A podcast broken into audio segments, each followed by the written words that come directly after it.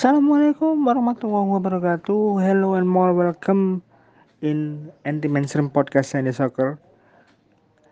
Kali ini edisi spesial karena Nomo kembali akan berkolaborasi dengan Surya Mahardika akan membahas mengenai hasil undian Liga Champions musim 2021-2022 beserta dengan profil singkat general profile mengenai klub-klub kontestan.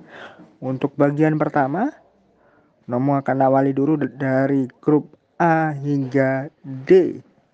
Tapi sebelum ke sana, Nomo ingin mengucapkan terima kasih dulu untuk semuanya yang sudah mensupport kita tim podcast. Bagi semua yang sudah mendengarkan, follow, lewat Spotify, lewat Anchor, lewat Google Podcast, ataupun yang masuk lewat Google Searching. Terima kasih semuanya. Berharap ini bukan hanya menjadi sesuatu yang entertaining, tapi juga education bisa didapat di sini. Dan juga jangan lupa untuk follow media sosial Gibol Respect baik di Instagram maupun di fanpage Facebook serta subscribe channel YouTube Produki Production yang bisa kalian nikmati di masa PPKM sekarang ini. Oke, tanpa banyak gocekan, bagian pertama Nomo akan ambil terlebih dahulu profil kontestan UEFA Champions League 2021-2022. Di grup A, komposisi dan profilnya grup A header of group dibuka oleh Manchester City, klub yang berdiri pada 16 April 1894 punya home ground di Etihad Stadium dengan kapasitas 55.017 kursi dan mereka punya partisipasi di Liga Champions 11 kali termasuk yang musim ini. Berikutnya di bawah Manchester City berada di grup A ada PSG berdiri pada 12 Agustus 1970 dengan home groundnya Parc des Princes dengan kapasitas 47.929 kursi dan memiliki jumlah partisipasi di Liga Champions 14 kali. Selanjutnya, tim berikutnya yang satu grup dengan Manchester City dan PSG adalah Rasenball Sport Leipzig. Berdiri 19 Mei 2009 dengan home ground Red Bull Arena punya kapasitas 42.959 dan partisipasi di Liga Champions baru empat kali, tapi tampilannya sudah luar biasa. Dan yang terakhir ada Klub Brugge.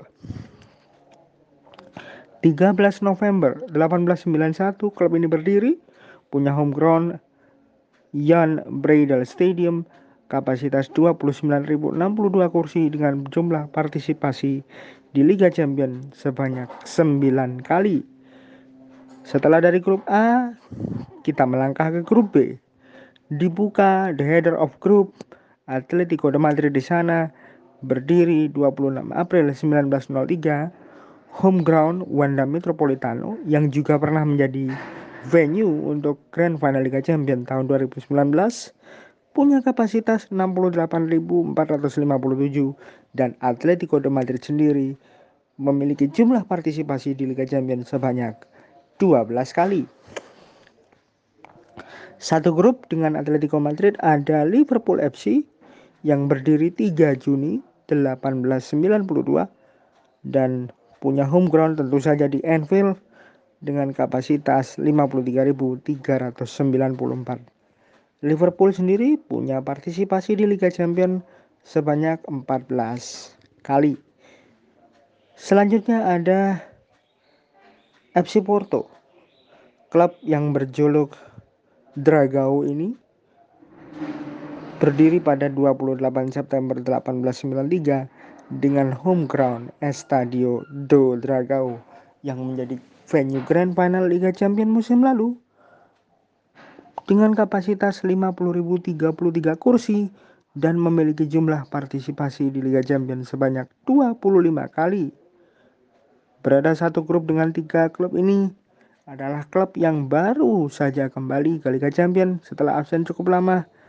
Ada AC Milan. Berdiri pada 16 Desember 1899 dengan home ground Estadio atau Stadio San Siro. Kapasitas 75.923 kursi dengan partisipasi di Liga Champions 18 kali untuk Rossoneri. Selanjutnya, grup C. Grup C diisi yang pertama oleh Sporting Club de Portugal atau Sporting Lisbon sebagai the header of group berdiri pada 1 Juni 1 Juli 1906 home ground Estadio Jose Alvalade dengan kapasitas 50.095 dan klub yang memiliki jersey hijau kombinasi putih ini punya partisipasi di Liga Champions 9 kali. Selanjutnya bersama dengan Sporting Club de Portugal ada B4B atau Borussia Dortmund yang berdiri pada 11 Desember 1909 home ground Sinyal Iduna Park dengan kapasitas 81.365 kursi dan B4B punya partisipasi di Liga Champions 16 kali. Disusul kemudian oleh AFC Ajax Amsterdam berdiri pada 18 Maret tahun 1900. Home groundnya Johan Cruyff Arena atau yang dulu namanya adalah Amsterdam Arena. Kapasitasnya 55.500 kursi dengan jumlah partisipasi di kompetisi antar klub kasta tertinggi adalah 17 kali. Selanjutnya yang terakhir ada Besiktas JK atau Besiktas Gimnastik Kulubu berdiri pada 3 Maret 1903 dengan home ground Vodafone Park. Sebenarnya home ground ini adalah bagian dari nama sponsor, aslinya adalah Eagle Park atau Eagle Stadium dengan kapasitas 42.590 kursi dengan jumlah partisipasi di Liga Champions sebanyak 8 kali. Grup A sudah, B sudah, C sudah sekarang kita ke grup D yang bisa dibilang sebagai replika dari komposisi grup musim lalu. Kenapa bisa dibilang replika? Karena tiga klub yang berada di sini pernah bertemu di musim lalu. Yang membedakan hanya satu peserta lain yang mendampingi tiga klub ini. Siapa saja yang ada di grup D? Ada Inter Milano. Berdiri pada 9 Maret 1908 dengan home ground Stadio Giuseppe Meazza dengan kapasitas 75.923 kursi. Dan Il Pistone punya partisipasi di Liga Champions sebanyak 15 kali. Selanjutnya bersama Inter ada Raja di Raja Liga Champions, Real Madrid. Berdiri pada 6 Maret 1902, home groundnya jelas Estadio Santiago Bernabeu dengan kapasitas 81.000 kursi. Tapi ini masih dalam proses renovasi, jadi kemungkinan Estadio Santiago Bernabeu akan dipakai di 2024 atau 2025 dan untuk musim ini bisa saja kembali menggunakan Estadio Alfredo Di Stefano. Yang kapasitasnya hanya 6.000 sampai 7.000 kursi saja. Dan punya partisipasi di Liga Champions rekor nih 26 kali. Bersama dengan Barcelona, Real Madrid adalah tim yang memiliki jumlah rekor partisipasi terbanyak di era Liga Champions. Selanjutnya ada Shakhtar Donetsk yang berdiri pada 24 Mei 1936. Aslinya tim ini bermarkas di Donbass Arena salah satu venue yang dipakai untuk Piala Eropa 2012 lalu. Tetapi karena konflik yang terjadi di sana, akhirnya Donbas Arena pun rusak, tidak bisa digunakan. Akhirnya Shakhtar Donetsk pindah sempat ke Lviv Arena, markas dari Metalis Kharkiv. Tapi di musim kemarin mereka menggunakan NSC Olimpiski atau Olimpiski Sport Center dengan kapasitas 70.050 kursi dan Shakhtar Donetsk punya partisipasi di Liga Champions sebanyak 16 kali. Yang terakhir, selain tiga klub ini, kalau musim lalu yang mendampingi Real Madrid, Inter, dan Shakhtar Donetsk adalah Borussia Mönchengladbach, tetapi di musim ini yang mendampingi mereka adalah Football Club Sheriff Tiraspol dari Moldova. Berdiri tahun 1997, punya homegrown Sheriff Arena. Nama aslinya adalah Glavnaya Arena dengan kapasitas 12.746 kursi dan ini merupakan debut bagi Sheriff Tiraspol di kompetisi Premier Elite tertinggi di benua biru. Itu untuk profil dari empat grup pertama. Untuk empat grup selanjutnya ada Surya Mahardika yang siap melanjutkan materi ini sampai tuntas. Jadi jangan ke mana-mana dulu karena setelah ini ada Surya yang akan melanjutkan dan materi lainnya masih akan menanti hasil drawing Liga Liga Eropa dan juga European Conference League yang kemungkinan juga akan diundi di hari ini, tepatnya sore nanti. So, untuk melanjutkan, saya serahkan ini ke Surya Mardika. Silahkan Mas Surya.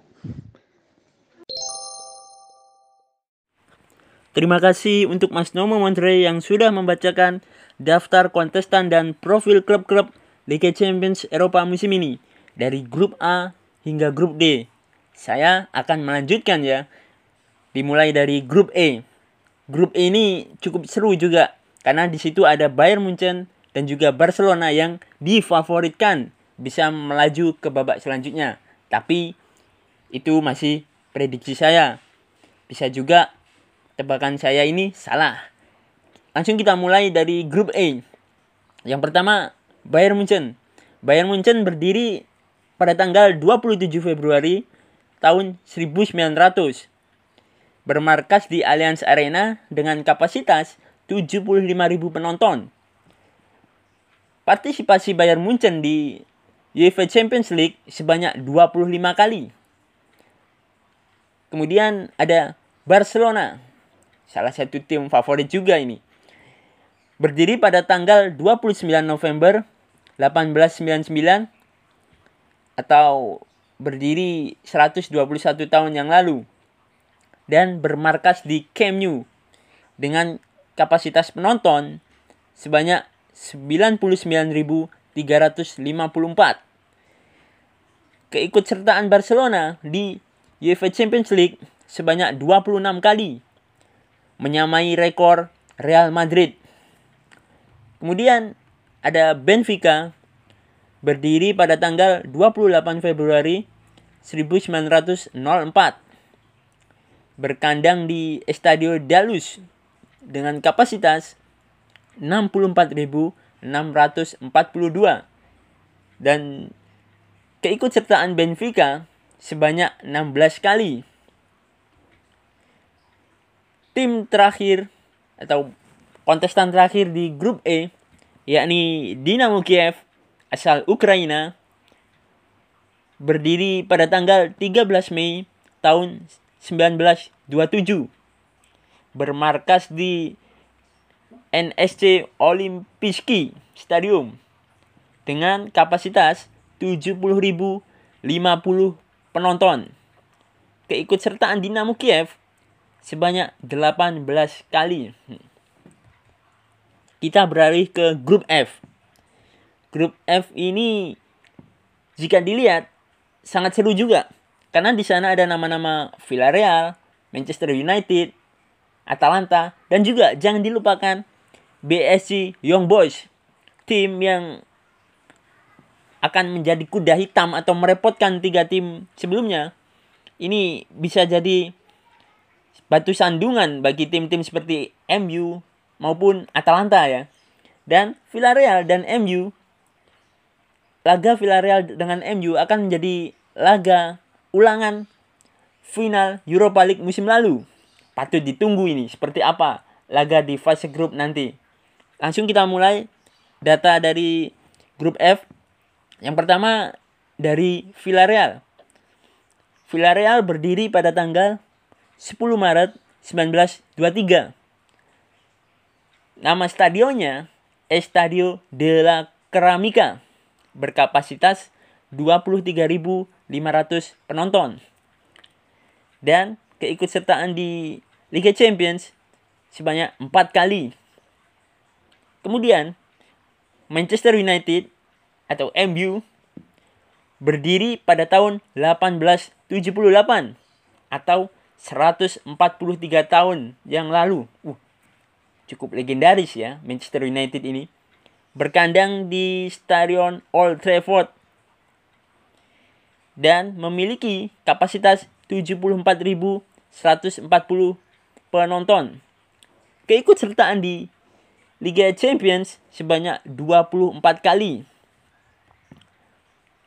Tim ketiga di grup F yakni Atalanta ya.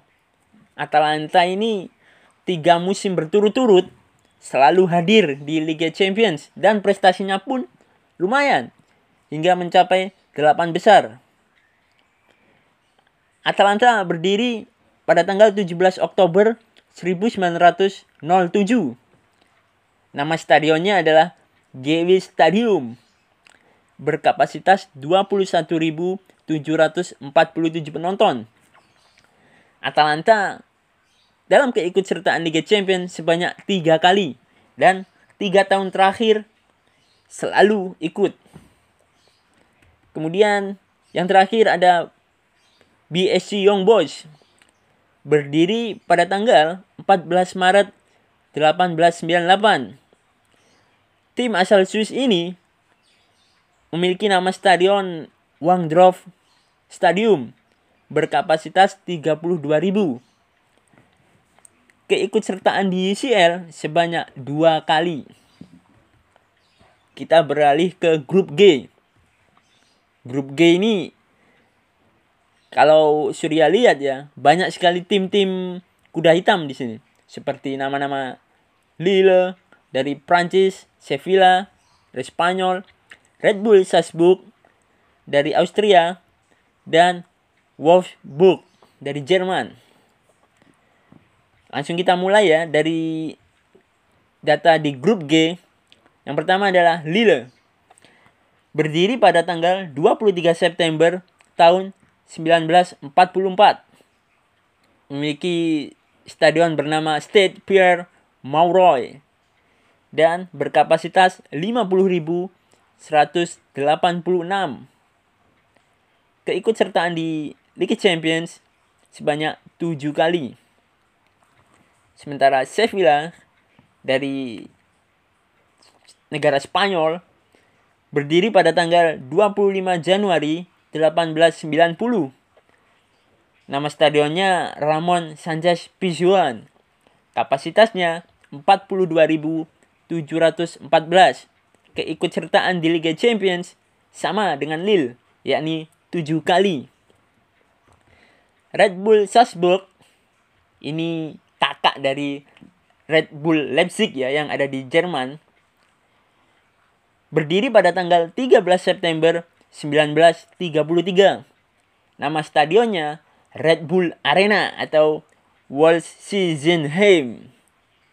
Berkapasitas 31.895 penonton.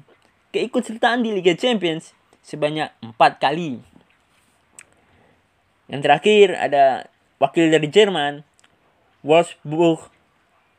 Berdiri pada tanggal 12 September 1945. Nama stadionnya Volkswagen Arena. Berkapasitas 30.000 keikutsertaan di Liga Champions sebanyak tiga kali. Kita beralih ke grup terakhir, yakni grup H. Ada nama-nama seperti Chelsea, Juventus, Zenit Saint Petersburg, dan Malmo. Chelsea sendiri merupakan juara bertahan Liga Champions musim lalu. Langsung kita mulai ya dari grup H atau grup terakhir ini. Chelsea berdiri pada tanggal 10 Maret 1905.